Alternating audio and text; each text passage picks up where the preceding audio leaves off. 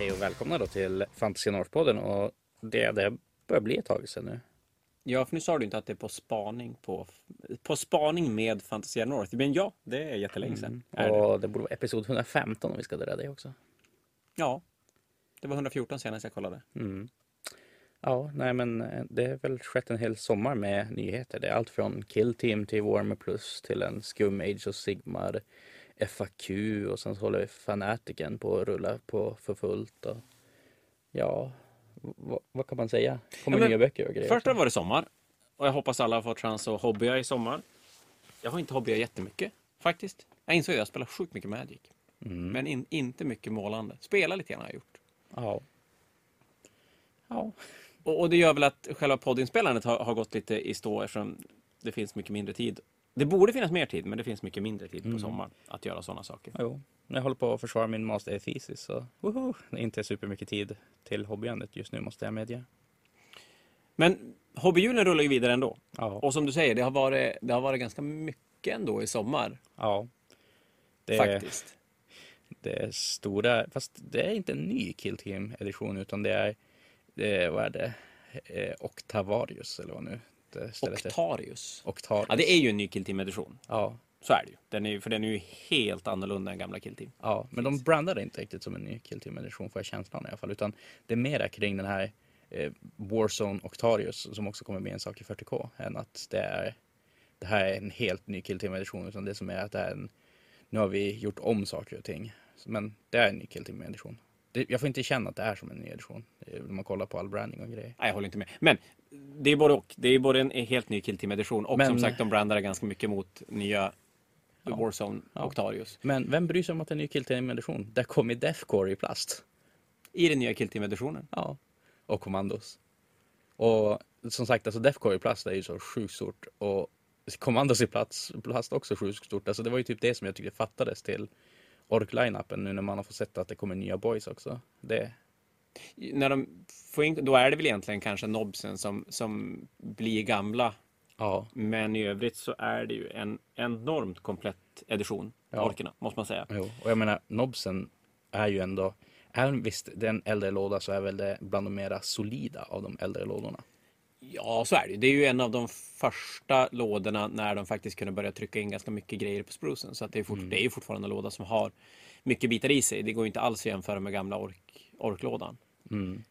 Och det känns ju också som att vill man absolut ha nobs som ser nya ut, ja, men ta Beast Snagga Boysen och blanda ut dem med alla orkbits du behöver för, för nobsen för att göra att de är, faktiskt blir lite chunkigare orker som har nobkitten på sig. Det är lite grann som de elitenheterna till, till Drukari som bygger på vanliga Warriors eller på Witches. Så att Mm. det krävs ju inte jättemycket för att bygga eget. Så är det ju. Och Death Coursen ser för jävla bra ut. Ja, Så är det ju. De ser nästan alltså, typ som Fortfeld fast lite annorlunda. ja. Om det är någonting jag stör mig på är i streamen när de revealar dem. Ena snubben säger Deathcore, andra snubben säger Death Corps. Nu Så- skulle jag egentligen bara säga Death Corps bara för att det kommer tilta dig så jävla mycket. Så jag tror jag ska börja säga Death Corps. Och jag ska tycka alla andra ska säga Death Corps. Mm, men det, det är ju fel. ja, nej, vi kan ta den diskussionen en annan gång, men vi fick i alla fall inte någonting från streamen Jag tror ju ändå att diskutera vad som är rätt och fel med dig, det brukar sällan leda till några vettiga diskussioner. Nej, det är för sant. så är det ju. Jag är rätt så ofta så det, Det är brukar låta så, ja precis.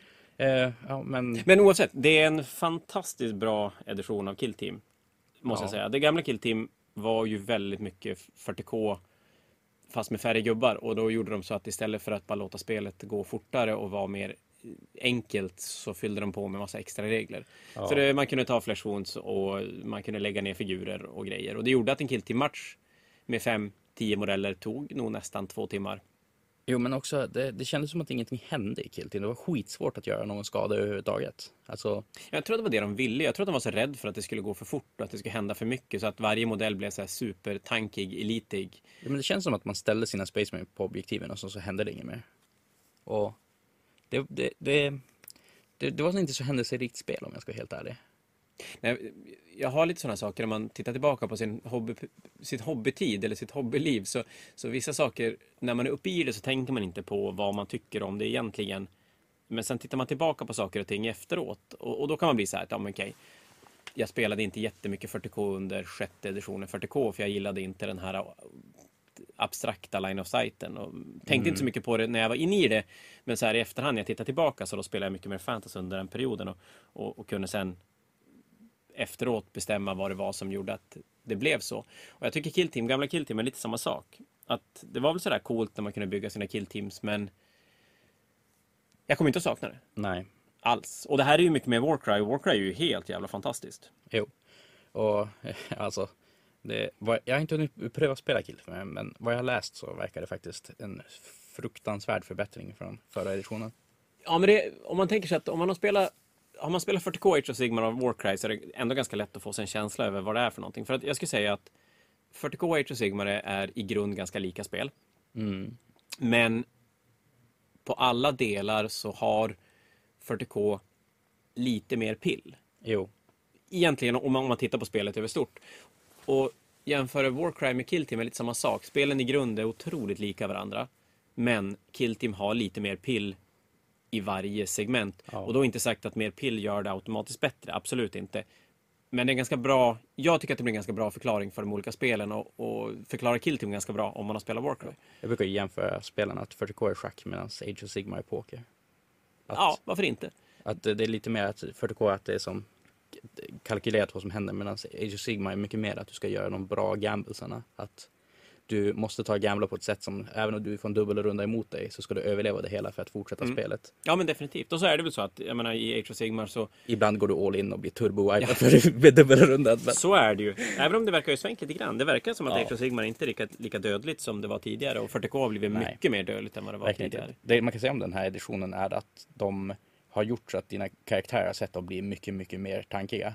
Och tyvärr så leder det till att folk, att Mortal Wounds också blir mer värdefulla. Vilket Mm. kanske kan tycka är lite fel väg att gå, men det kan man ju tycka lite vad man vill om. Och, Men det är ganska intressant hur de spelen har bytt plats där innan den här Age of Sigmar-editionen och om vi backar till åttonde 40K så var ju 40K-spelet som, som, tang- som rullade i 5, 6, 7 runder där man sprang och jagade folk i slutet på turneringstiden och bara du, vi måste ha resultat nu. Ja. Och Age of Sigmar-spelare satt och drack kaffe i en och en halv timme för att alltså, vara färdig. spelar du med en 200 Age of Sigmar så spelar du fel. Ja, och nu känns det som att det har switchat lite grann. Ja. För nu är ju 40K enormt dödligt och, och många matcher är ju slut i runda tre.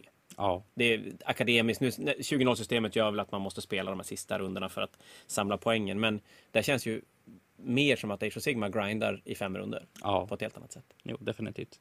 Men, men tillbaka till Kill Team så, så ja, men det, det är om man tänker sig att i Age of Sigmar och, och 40K, i 40K så lägger man ju som till ett moment på allting. Mm. Man, man slår en extra tärning om det är save eller efter wound eller om det är att man har toughness, vilket man inte har i Age of Sigmar. Och lite grann samma sak i Kill Team.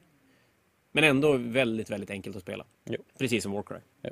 Jag önskar ju dock att de skulle lägga till styrkeautomater i Age of Sigmar, men det, Det lär Nej. nog inte hända. det lär nog inte hända. Det, det var den här editionen. Jag tror att den här editionen var editionen som la in eventuella stora förändringar. Mm.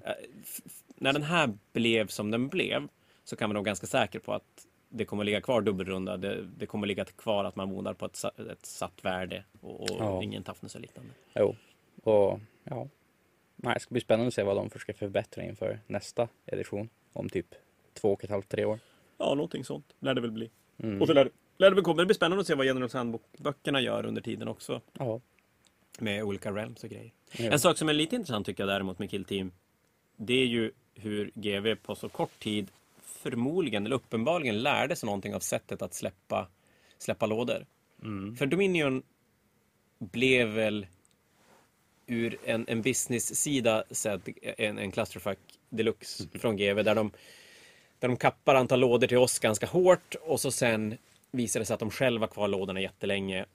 De släpper fler lådor till oss lite för sent, vilket gör att vi får nästa som omgång av, av Dominion-lådor drygt två veckor, eller nästan tre veckor efter releasen. Och det innebär ju att alla som har haft, inte fått tag i lådorna från de här local gaming stores har ju då kunnat köpa dem från mailorder. Ja. Vilket gör att när vi får vår andra batch av lådor två, två veckor sent, då säljs det ju som ingenting. Så jag skulle tro att alla stora sådana butiker som Fantasia sitter nog på en ganska bra mängd Dominion-lådor. Eh, Och det, är ju, det är ju GVs fel och jag tror faktiskt att de lärde sig någonting. För att med Kill Team så blev det inte riktigt samma sak. Det är fortfarande sådär de, de kappar den initialt utan att egentligen berätta vad som händer. Men vi får i alla fall innan releasen beställa tillräckligt mycket lådor för Mm. att klara oss. Så så lärde sig också vad som ska vara i lådan för att den ska sälja. Jag menar, plast, Defcore och Commandos.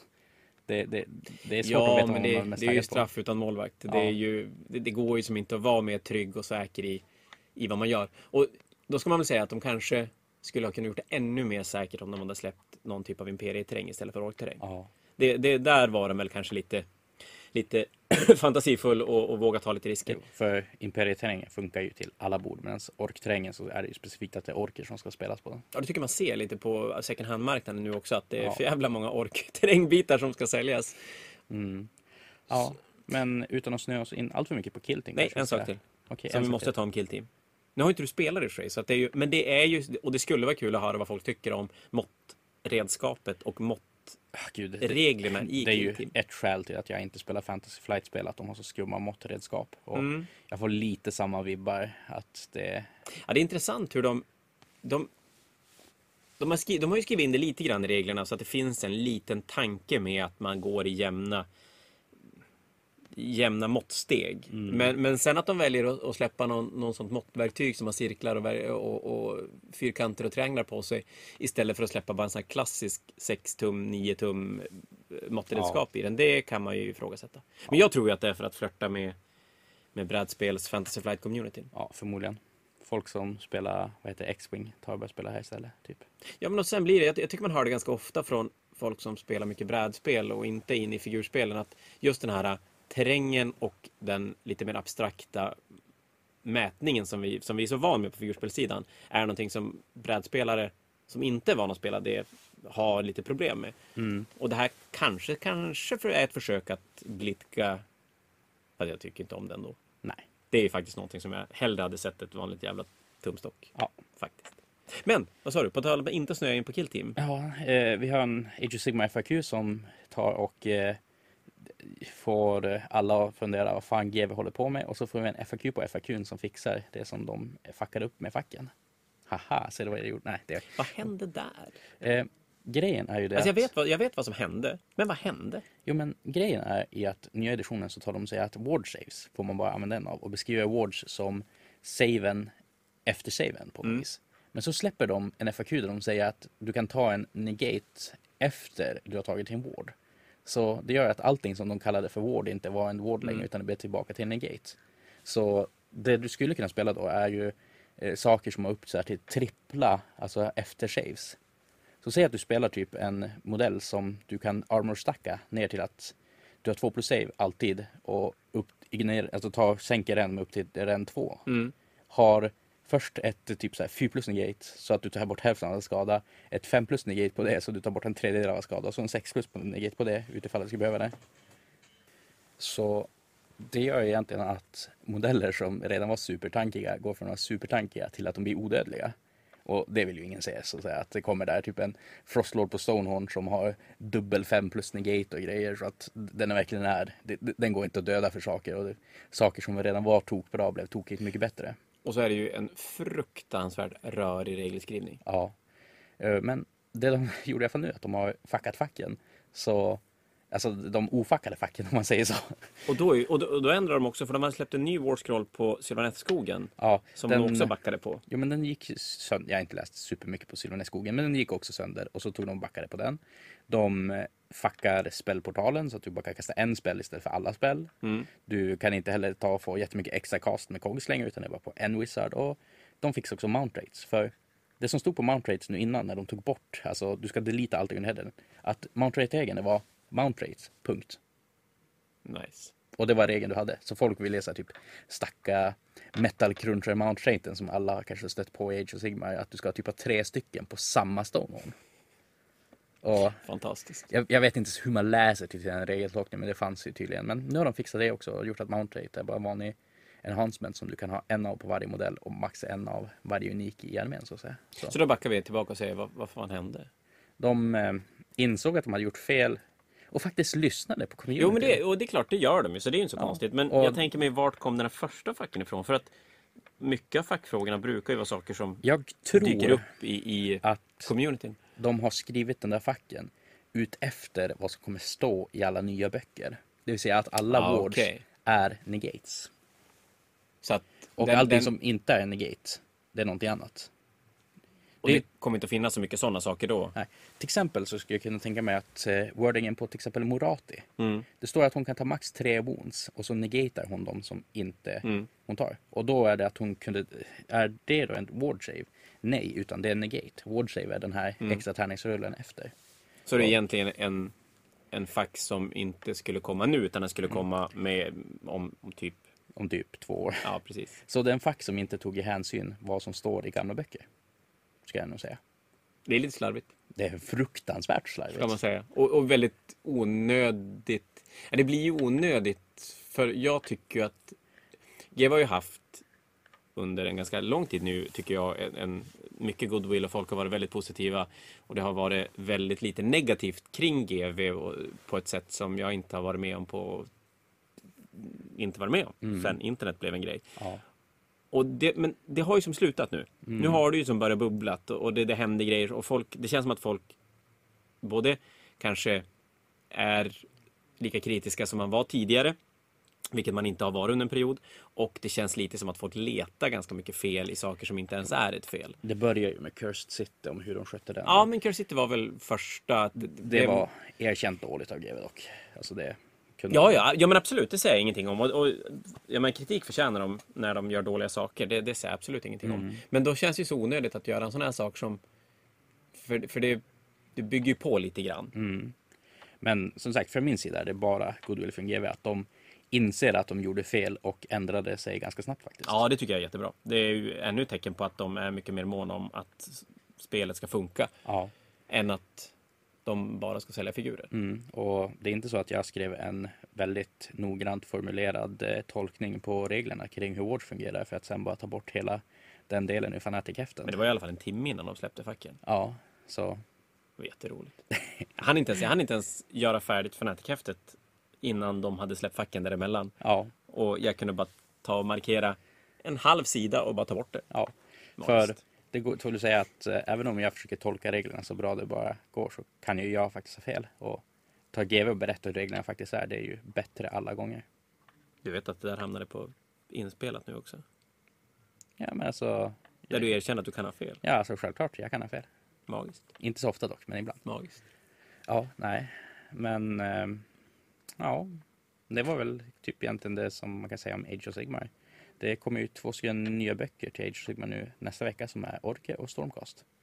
Ja, men det är väl på tiden. Ja, och jag tycker det märks ju att GW haft problem lite grann nu både med Brexit och Covid, alltså ordentligt med tanke på hur sent de här böckerna kommer efter editionen. Och vi har haft som så här, halvfärdiga Cruel Boys att spela med och halvfärdiga Stormcast. Och jag tycker också att det märks lite grann med, eh, vad heter det, Killteam-lådan. Det var inte jättelänge sedan det kom en Killteam-låda med Necrons och Heavy Intercessors i. Och så Nej. nu helt plötsligt kommer det en ny edition, alltså bara strax efter. Nej, men det var ju... De fick både en, en par Nexus-lådan med nya Heavy Intercessors och Flayed Ones. Och så kom det tre stycken nya Killzones. Och det var ju också så här, det, det var Killzones som var lite nedbantade från hur de såg ut tidigare. Ja. Och så par Nexus-lådan var ju en sån jag vill ha tag i Heavy Intercessor-låda. Men så här i efterhand så blir det ju en lite dålig eftersmak på den när den inte har funnits mer än, ja, vad kan det vara? Tre, januari? Kom den i januari? Nej, det var senare än det. Ja, det kanske det var till och med. Jag tror typ till så här, typ, alltså april, maj någon gång. Ja, det är möjligt. Det... men, men eh, det, och det blir ju lite sådär när man har köpt den. Nu, nu tack och lov så Paren Nexus-lådan köpte väl 99% av folket för figurerna. Ja. Och sket fullständigt i Killteam-delen. Skulle, Ja. skulle jag tro i alla fall. Och då gör det väl att det märks inte lika mycket som om folk ska ha köpt den för att faktiskt få spela, spela spelet. Mm. Killzone-lådorna blir ju lite grann samma sak. Eftersom de innehåller ju grejer till gamla Killteam. Mm. Så tajmingen i vissa släpp nu kan man ju ifrågasätta. Men som du säger, det kan ju mycket väl vara saker som de inte riktigt kan påverka som, som gör att det blir så. Ja, definitivt. Och nej, det, det är ju en till sak på tal om vi ska ta saker som folk har varit missbelåtna på är ju hela delen kring Warhammer Plus.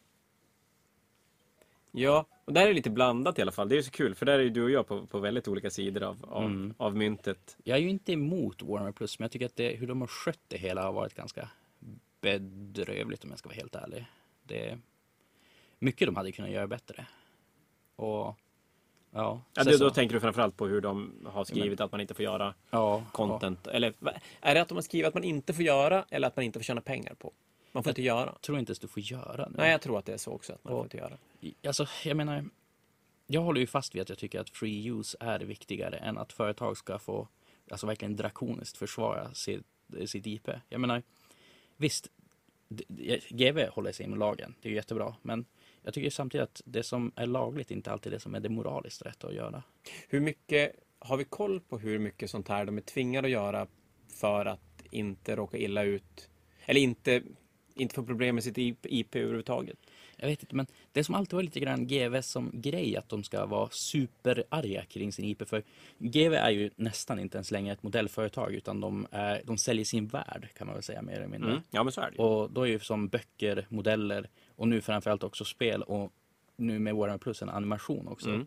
Att det är Warhammer-universum ska det in. Och de ska ju försvara skiten det där att folk ska som inte kunna som göra samma grej. Jag menar, jag kan tycka att det är lite dumt av GW att göra så för det är ju väldigt mycket av 40K-universumet som de faktiskt bara har tagit från andra grejer. Jag menar varken Space Marine, Laskan, God Emperor of Mankind och eh, Warp Navigator är ju saker som är unika för GW utan det är ju bara rakt av från Dune till exempel. En Arbite är ju bara en Judge Dredd-karaktär. med- Nej, det handlar väl om hur man har paketerat ihop det Ja. till ett eget paket snarare Men än varje individuell del. Ja, om någon skulle ta och göra en comic där någon har en Laskan, tusen procent att GW skulle hoppa på den. Det tror jag inte.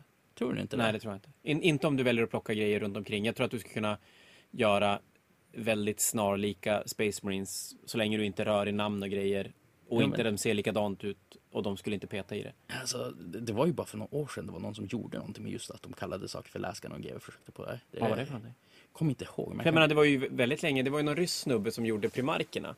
Och det var ju hur långt som helst. Jo men det är för att Tills han- Ryssland och GW kan inte Ja, till, nej, nej, men det- det var ju hur långt som helst tills han döpte dem till Lemarus Mm, och vidare. Och då slog de ner på honom. Men före det gjorde de ingenting. okej. Så att, Gud, var det den här som gjorde, jag tror till och med kanske har Lionel Johnson från Primarken han har. Ja, och då, han, från början när han släppte dem, då hade han ju inte döpt dem till Li- Lionel Johnson. Mm. Och då, då hände det ingenting. Sen om det var att de inte ville, eller att de inte kunde, det vet jag inte. Mm. Men sen när han döpte dem till Primarknamnen, då slog de ner. Så att, Ja. jag tänker mig att jag, tror- jag tror ju att GV... Är det namnen som kanske är viktiga för dem? Jag tror, jag tror, döpt ja, dem, men det tror jag definitivt. Jag tror, och, jag tror namnen, alltså jag tror helhet, precis som samma sak där. De snor från olika saker. Mm. Och, men, men att det bryr sig inte folk om när de tar små bitar. Men sen, och sen sätter de ihop det till någonting stort. Och jag tror att det, det problemet blir när folk tar det stora och gör någonting av istället för att ta bitar av det och hitta på någonting eget. Eh, Ja, det är ju både och. Visst, de är ju ett stort företag och då blir det alltid så här med stora företag, hur mycket monopol på en grej ska de ha? Mm. Men å andra sidan, GV har ju inte monopol på figurspel. Nej. Alla som vill kan göra ett figurspel.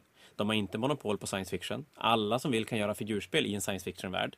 De har inte monopol på en vanlig jävla människa. Så alla som vill kan göra figurspel i en science fiction-värld med människor, med orker, med alver, med mörkeralver, med insekter, med rymd stormtrooper-liknande grejer. Så egentligen skulle ju vem som helst kunna göra 40K, fast inte 40K. Mm. Och GW skulle inte säga någonting. Fast där vet jag inte riktigt. Alltså, Ja, men fortfarande, det finns ju så många tv-spel och filmer och grejer som, som är science fiction, figurspel. Det behöver ju inte vara likadant som 40K, men det jag tänker mig att, och där jag kan känna att de någonstans gör rätt, att om, om man tittar på storföretagen, som om vi jämför det med till exempel Amazon, eller vi jämför det med Ja, vi, vi, tar Amazon till exempel. Så, så försöker ju de på något sätt monopola på att sälja saker på nätet. ja. Och, och där kan jag tycka att det är fel. För att varför ska allting gå genom den hubben som är Amazon? Medan om GV, jag skulle säga så här, jag skulle hålla med alla om GV gick ut och sa att ni får inte göra figurspel. Ni får inte göra animerade science fiction-serier. Att de tar mycket bredare drag och så här, det här får ni inte göra. Nu har de ju ändå, jag menar GV-spelarna är ju så jävligt nischade ja. ändå. och, och de säger att, för jag menar, om man tar Age of Sigmar till exempel. Jag menar, skulle du få göra animerad Sagan om ringen? Nej, det får du ju inte. Alltså, så, så länge man gör det som en så egen grej så tror jag att man får göra det. Får man, vet vi om man får det? Ja, alltså det finns ju folk som har gjort det också. De har ju inte råkat dit för någonting. Nej, men det finns ganska många som har gjort det av 40K-grejer också. Och inte råkat Ja. dit för någonting. Fast eh, För de har, än så länge har väl ingen råkat, råkat illa ut för det? Nej, men när alla som har gjort det som sitt eget levebröd tar som och stänger ner det. Typ till exempel Alpha Booza, han som gjorde den här Emperor, alltså text to Mm. speech device. Mm. Det, det är ju allt han tjänar pengar på. Alltså, och han Ja, bara som tväravslutar. det- men- Det är ju någonting där som måste sätta press på det hela. Men då är frågan, skulle man, skulle man Och så bara för att förtydliga. Jag är inte alls anti för just GW och saker. Alltså, man ska inte bojkotta GW bara för att de håller på att försvara sin IP och grejer. Men man kan kanske ifrågasätta det lite grann. Ja men och diskussionen är ju intressant. Mm. Man, man kan ju som inte bara säga ja tack och amen och, och det är ju kul tycker jag att folk tycker olika och sådär. Det- Men, Mm. men eh, den blir ju, tyvärr blir ju internetdiskussionen, den blir ju ganska Jo, men ensidig. Blir det. som sagt, å e- ena sidan så är det ju de här som tar och försvarar GW till döden. Att det Ja. är ingenting fel och grejer. Att det, det finns ingenting att kritisera. Just move along och buy all the products. Men å andra sidan finns det folk som säger att nej, jag ska fan inte köpa avbitaren från GW Mm. även om den är bra. Och jag tycker att man kan vara lite moderate kring Kanske det hela. lite, lite, grå, lite gråzoner. Lite gråzoner en bra. idé. Nej, men jag, jag skulle kunna hamna i samma situation som en, ett företag som säljer GV-produkter. Mm, Om GV skulle gå ut och säga att ingen får sälja GV-produkter längre. mm. Eh, Vilket Men jag menar, problemet jag tror sätter lite grann hur GW beter sig. Att om GW skulle kunna bli nog stort att kunna säga att ingen får sälja GW-produkter längre utan att det bara är GW Stores som får göra det. Att jag tror faktiskt att de skulle göra det. Ja, det är nog inte alls omöjligt. Och jag tycker att det typen av tänket är, alltså det, det är inte rätt sätt att göra det Nej, hela. nej, så är det ju. Det, det jag kan känna där- måste ju kolla lite grann på också de här som har hjälpt dem att bygga hela dess community. För det är ju det som har byggt Warhammer-universumet, inte att Warhammer-universumet är så fantastiskt mycket bättre än något annat. Det, det, det kanske jag inte nödvändigtvis håller med om, för jag menar, de, de skulle ju inte kunna... Ingen skulle ju röra i universet om det inte var en bra grund att gå på. Då skulle, man ju, då skulle ju Private Press ha, ha fått sitt universum att växa och Mm. explodera. Och det, det har det ju inte gjort. Så det är klart, folk har ju klivit på GV-svängen när det var en ganska trygg kassako att jobba med. Jo men till För det är exempel klart, alltså, de hade kunnat ta en Malifaux istället.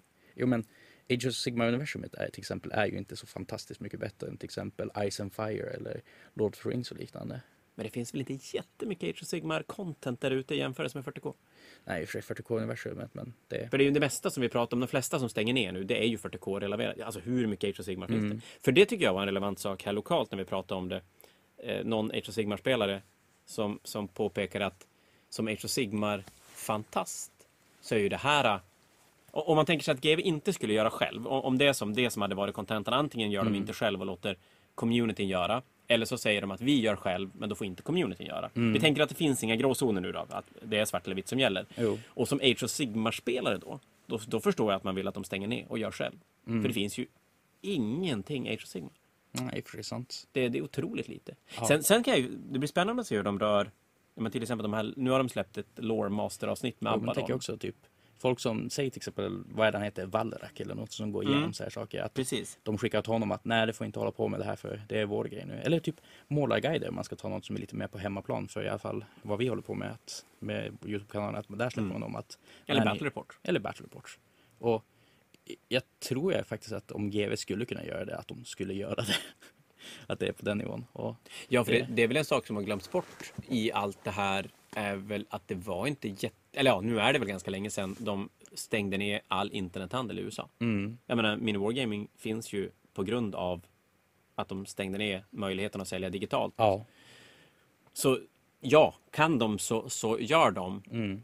Och det är väl den, alltså som det man brukar kalla för drakoniska delen i företag som jag tycker är den, väldigt fel. Den håller jag med om. Den är Mm. fel. Eh, sen just den här animerade biten. Just den som en, som en isolerad händelse. Då är det nog så att jag tycker att det är bra. För att jag är inte tillräckligt mycket internetmänniska för att orka sitta och surfa runt och leta olika typer av Mm. animerat som är si och så där. Ja, Då ser jag ju hellre att jag får det genom en kanal på något sätt. jo. Men det är väl det också att, som sagt, jag tycker att båda hade faktiskt fått existera. Kan, kan det vara en sån sak som att de, de väljer att göra så här tidigt för att jag höll på att skapa lite hype, men Mm. det är kanske inte det de gör. Nej, men jag tänker mig att de får, få fokus på sitt eget under en period. Mm. Och sen kan de välja att släppa upp. Jo, men jag tror att för för att GV vill försöka... Det, det här har ju inte riktigt med GV att göra, men att alla ska göra sin egen streamingservice. Att man vill som hoppa på det tåget. Det inne. Jo, för om man kollar sig på hur folk var där med hela piratandet av eh, film och liknande, så att Mm. du laddade hem det illegalt. Det gick ju ner till nästan stoft och ingenting när Netflix blev stort och det fick, gick att få tag på, alltså egentligen stort sett all media man ville för, var det, 90 spänn i Mm. månaden någonting. Men nu så håller det på att resa sig igen för Netflix är ju bara en fraktion av vad det var så att säga. Utan nu ska det vara Amazon Prime och sitt eget, HBO och sitt eget, Apple TV och sitt eget, Paramount Pictures och sitt Ja, eget. du behöver ju en sex, Ja. sju olika streamingtjänster. Disney Plus. Och nu också Warner Plus. Ja, jo, nej, men så är det ju. Det jag tycker Warner Plus gör bra i den här eh, soppan av, av streamingtjänster och grejer, det är att Ja. för oss ganska inbitna figurspelare så blir ju värdet på Warner Plus ganska stort ändå. Jo. Men däremot, vet du vad jag inte gillar? Om jag nu ska sitta här och, och inte gillar Mhm. hur de delar ut gift voucher till höger och vänster. Jo. Men jag tror att det går mycket sämre för Warner Plus än vad de hade hoppats. Det kanske är så. För efter deras release, gift cardsen kommer ju först efteråt. Det var inte initialt. Mm, Nope. Okej. Så de har ju försökt slänga så här, kom och subscribe till Warner Plus så får ni det här, det här och det här. Och verkligen vill få dra in folk på det Ja, hela. men då är det, då är det ju garanterat så. För varför skulle Mm. de inte gå ut med gift vouchern initialt o- om den Jo. Men ja, Nej men de har ju lite, jag, jag kan ju tycka att kanske inte, hade det inte varit en bra idé att, att lägga ut den gratis till en början. tills de får för, lite innehåll i den? jo, för det är också en stor sak som många säger att det, det, man får knappt någonting just nu i alla fall när man subscriber till den. Det är typ en Blood Angel-serie eller vad det är. Ja, det, det är en, två Hammer and Bolter avsnitt och en Blood Angel. Och så sen är det några målarguider och någon Battle Report. Ja, Och nu jag menar, Lore Master avsnitt. De kunde i alla fall sett till att de hade haft typ så här ett eh, 20-30-tal målarguider uppe typ till exempel. Ja, ja men det, det håller jag med om. Att de skulle kunna haft en bunt Battle Report. För jag menar, Battle Reports målarguider, det, det, det kostar ju smuts och ingenting för GW att producera. Ja, de skulle kunna ha släppt 20 stycken, 30 stycken Ja, och lagt ut utan problem. ja. Och alltså, alltså även typ av de vissa här serierna, att de hade kunnat slängt ut ett gäng av dem så att det fanns i alla fall att folk inte bara skulle känna sig mer eller mindre scammade när de tar som och subscriber till Warren Plus. För jag fick ju känslan att det skulle vara mycket mer till en början på Warren Plus. Det, när man går in nu på, på sidan, det är ju ganska fattigt när man ska så här, scrolla Mm. igenom vad det finns att välja på. Jag menar om man jämför det med att sitta på Disney Plus eller Netflix och, Ja. och skumma. Man, det slutar med att man en kväll har suttit och, och tittat vad man borde se Ja, och inte sett någonting. Det gör man ju inte på Warmer Plus. Så att, nej men så är det väl att de kanske skulle ha hållit den, antingen haft den gratis mm. eller hållit på den så att de kunde släppa ut den med rejält mycket innehåll. För nu blir det ju lite, de får ganska mycket skit för hur de betedde sig innan plusreleasen. Mm. Och sen kommer plusreleasen och den kanske inte levererar riktigt Nej. som. Typ jag lite grann som Disney gör, att de har en variant som är billigare, så en premiärtjänst som du får tillgång till vissa saker. Säg Ja. att du hade kunnat kolla på Warren Plus gratis och då får du tillgång till alltså målarguider och allt sånt där. Premiärtjänsten så får du till- tillgång till den här armébyggaren och du får tillgång till eh, de nya releaserna och grejer. Mm. Så att man faktiskt fick in folk där så att säga. Att, Och då Ja. sitter man ju där på Warmer Plus och kollar och så ser man, oj, tänk om jag skulle få se det här. Det här skulle jag vilja se. mm, Och så sen betalar man och gör det. Nej, nu, nu känns det som att de, de vill sälja in, de säljer in Warmer Plus med att du får en figur. mm. Och sen också en sak som jag stör mig med GW, att de ska göra allting in-house trots att de inte kan det. Ja, alla appar och saker har ju varit skit och stoft när den har kommit för första gången och så har man blivit tvungen att stå ut med dem i åratal och sen har de börjat funka. Faktiskt. Och jag fick lite grann samma känn med Warren Plus för när jag försökte subscriba till Warren Plus, det gick inte. Jag tycker att den är svår att hitta. Ja, jag menar, när jag sökte på Warhammer Plus, Fantasia för mig dök, dök upp så här Ja. långt, långt, långt före Warhammer Det- Plus. När jag söker Warhammer Plus, punkt. Ja, Det, det är en... eh, Nej, men de har väl lite grann att lära sig, mm. tycker jag. Det är tur att de fortfarande gör fina figurer i alla fall. ja. Och så får man väl säga, jag tycker att Old One, nej, Old One Eye, eh, Baeleye. Old Baeleye var sådär. Jag tycker den var ganska medioker om jag ska Jo, men det, jag, jag håller med. Jag, jag tycker att den var sådär. Den var lite mysig, kul sådär. Och, och hade den dykt upp som en, en första grej utan den här hypen, Ja. då hade det ju som varit lite coolt. Mm. Men för deras egen skull hade det inte varit bättre att släppa Blodängelavsnittet som ett gratisavsnitt ja. första. För jag istället. menar, Old Bailey Alltså, om jag ska vara helt ärlig så har den typ samma produktionsvärde som den här text-to-speech device-grejen. Fast med att det är någon som har som gjort unik art till den istället. Att det Ja. är massor med stillbilder och Jarek som pratar med Ja, Gaspar. men absolut. Och Ja. Hade den varit en del av Warmer Plus-tjänsten, då hade den ju varit cool. Min, min son tyckte den var hur jävla cool som helst. Ja, Men när de ska släppa den här första så är det ju inte en åttaåring de, de riktas utan då är det ju du och jag, varav många i våran sits är rätt bitter över att GV har gått ner och stängt ner saker som man själv tycker om väldigt mycket. Mm. Ja. Och då måste det ju vara fantastiskt jävla bra. ja, alltså hade de fått samma hype som med första Starters till exempel. Att det hade Ja. varit på den nivån att verkligen att hade ju fått glömt ett allt som hade fenomen. Då, ja, precis, alltså släpp Astartes 2 som Ja, release-grej. ja. Det, det, Tänk om de istället för Old Bailey, den här gratissaken de hade i 24 timmar, att det var Astartes 2. ja. Då jävlar hade folk varit taggad. Ja, men det hade ju gett en helt annan typ av hype och då tror jag folk hade glömt bort allt det här runt omkring.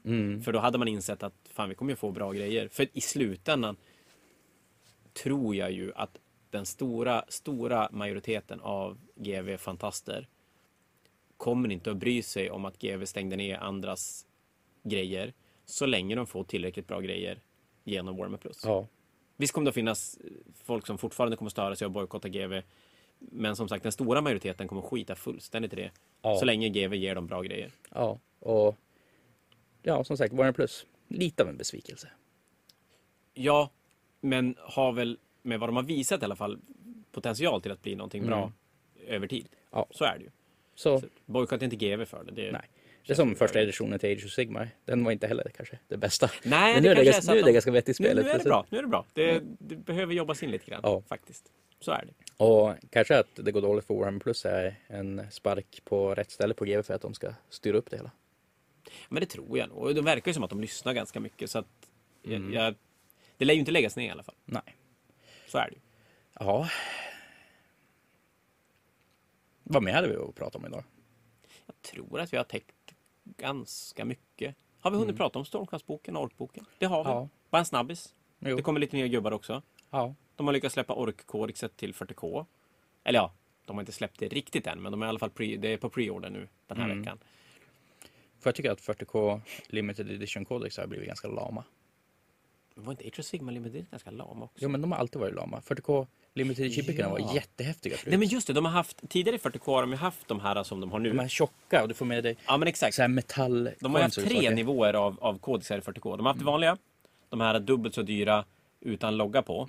Och så har de haft de fet-feta. Ja, och de, Och de fet-feta är ju borta. Ja, Svintråkigt. och jag menar, de var ju jättepopulära. Jag menar, jag minns när Custodisboken kom och eh, du kunde köpa den i totalt tre minuter. Ja. Och det var typ så här 700 exemplar, bara borta. Jag, jag tyck, och jag tycker ju ärligt, skit i de här 600 kronors Codex Battletomesen som saknar 40K-loggan på framsidan Mm. Ja. och det är det enda. Och så är det guldkantade sidor. Ja, alltså- och gör någonting fett av det. Men alltså, orkboken är ju skittråkig. Alltså som jag kollade. Ja, Det, ja. det är ju bara att de har zoomat ut lite grann i bilden. Tagit bort Gjort- 40K-loggan. Och tagit bort 40K-loggan och satt en så här flärp i den. Och jag menar, det, det är skittråkigt. Det är samma som med tärningarna. Folk klagade på de speciella tärningarna, men jag tyckte de var skitkul. Ska man köpa typ 10 tärningar för 300 spänn, då, då ska man, de fan med vara Ja, roliga. men faktiskt. Inte de här jättetråkiga Nej. som de släpper nu. Men däremot, jag har ju kommit på vad jag skulle vilja att de gjorde med tärningar. Mhm. Jag skulle vilja att de släppte ett set med skitvonky tärningar. Mm. Så knasiga det bara går att få. Och så är det typ en T20, spin down, Ja, en T12, någon T10 och så lite T6. och kanske också en så här, alltså, typ någon så här objektiv Ja, men, ja, men eh, någonting sånt. Så att det blir, och så kan man använda det som ordmarkörer. Man kan använda de här T6 för att slå kanske moral eller psychic test eller vad det nu kan vara för Tänk så här, lite som bara skiva där det finns så här, vilka secondaries du väljer som så här, är mer unika. Mm. Orken är det så här, som att det är så lite ramshack eller hopspikat. Space Marines är det så här gotiskt och stort. Och, Och så kanske en liten sån här måttband Ja. grej. Fan, de skulle kunna ta 500 spänn för det. Ja. Jag skulle köpa. ja. Nej, jag håller med. Jag, jag tycker tunntärningarna till Doneth och squig-tärningar var coolare än Mm. eh, orktärningar med en orksymbol på sexan. Jo. Och som, de är skitdyra för det man får. Det är ju inte ens roliga tärningar. Det är bara en grön tärning med en orksymbol för värde typ, 240 spänn ligger de på Ja. för 20 tärningar. Eller? det typ 12 tärningar i den. Nej, det är faktiskt 20 tärningar i dem nu. De har, Okej. blivit, ja, de har blivit större. Nu är det ju Fortful-tärningarna som de släpper. Ah, okay. Så att de är ju... Och in- Fortful-tärningarna har alltid varit jättetråkiga. Ja, men, och det är ju exakt de de släpper nu. Ja. Eh, De är lite mindre än de här... eh, För det sista som kom när de kom i plastlådor, det var ju, tror jag, Space Marine-tärningarna. Mm. Som inte går att se vad det är för någonting. Nej. Så bara för att säga det, om det är någon GV-anställd som skulle lyssna på det här på svenska av någon anledning. gör ni en läderinbunden kodex med metallkanter för 2500 spänn? Det är något jag köper. Ja, men faktiskt. Ja, jag menar... Att det inte är en 40K-logga Ja. på, på boken, det är skit i vilket. Ja, Faktiskt. så nej. Det, det, det är något Så, så kan det vara. Ja. Eh, mer läderinbundet. med läder. Det är det vi säger. Precis. Ska vi avsluta där helt enkelt? Ja, det är väl ganska bra not att sluta på. Och, och då kan vi väl säga att då är vi väl tillbaka med, med veckoomgångar av På spaning med Fantasia North från och med nu när hösten har klivit in. Jo men du, vi kanske måste nämna lite grann. Vi har ju en Fanatic som är antågande Ja, som nu blir 100 spelare stor för Mm. att coronan fortfarande är och, och nafsar oss i bakhasorna. mm. och folk verkar ju taggade för det finns inte supermånga biljetter kvar. Nej, det är fan otroligt slut. Och som vanligt är Umeåborna sämst på att anmäla sig. Mm. Jag la ut biljetterna 24 juni. Gjorde en ganska stor grej av det tycker jag. Det bombarderades av anmälningar första tiden tills vi var uppe i så här 50-55. Och sen har det som tickat på efter det. Mm. Eh, Men, men eh, nu dyker det upp så här. "Ha, Finns det en plats? Finns det en plats? När det Mm. faktiskt börjar vara ganska ont om platser. Jag tror till och med att det är slut på platser. Ja. Men, men så kan det vara. Men det blir roligt i alla fall att få spela någorlunda vanligt med 100 spelare i två hallar, så vi blir 50 i varje hall. Mm. Och sen går ju planerna vidare för The Grand Fanatic Mm. till sommar nästa år. Och då hoppas vi att coronan har släppt så att vi kan spela jättemycket folk. Ja, alltså corona kommer fan pågå för evigt. Det hoppet ut. Nej, kanske inte. Så kanske har fått vår fjärde spruta och så är Ja. vi hemma. Alltså, det... Jag tror att coronan kommer bli mer och mer hanterbar. Men frågan är fan när vi kommer återgå till en icke-pandemivärld. Det... Ja, det kan nog dröja. Ugh, jag är så Men less på 400, coronan. 400 fyrspelare under samma tak, det ska vi i alla fall få vara tycker jag. Ja, tycker jag också. Så eh, vi peppar Fanatic nu, Mm. så hörs vi om en vecka. Ja. Tack för ikväll. Hej då! Hej då!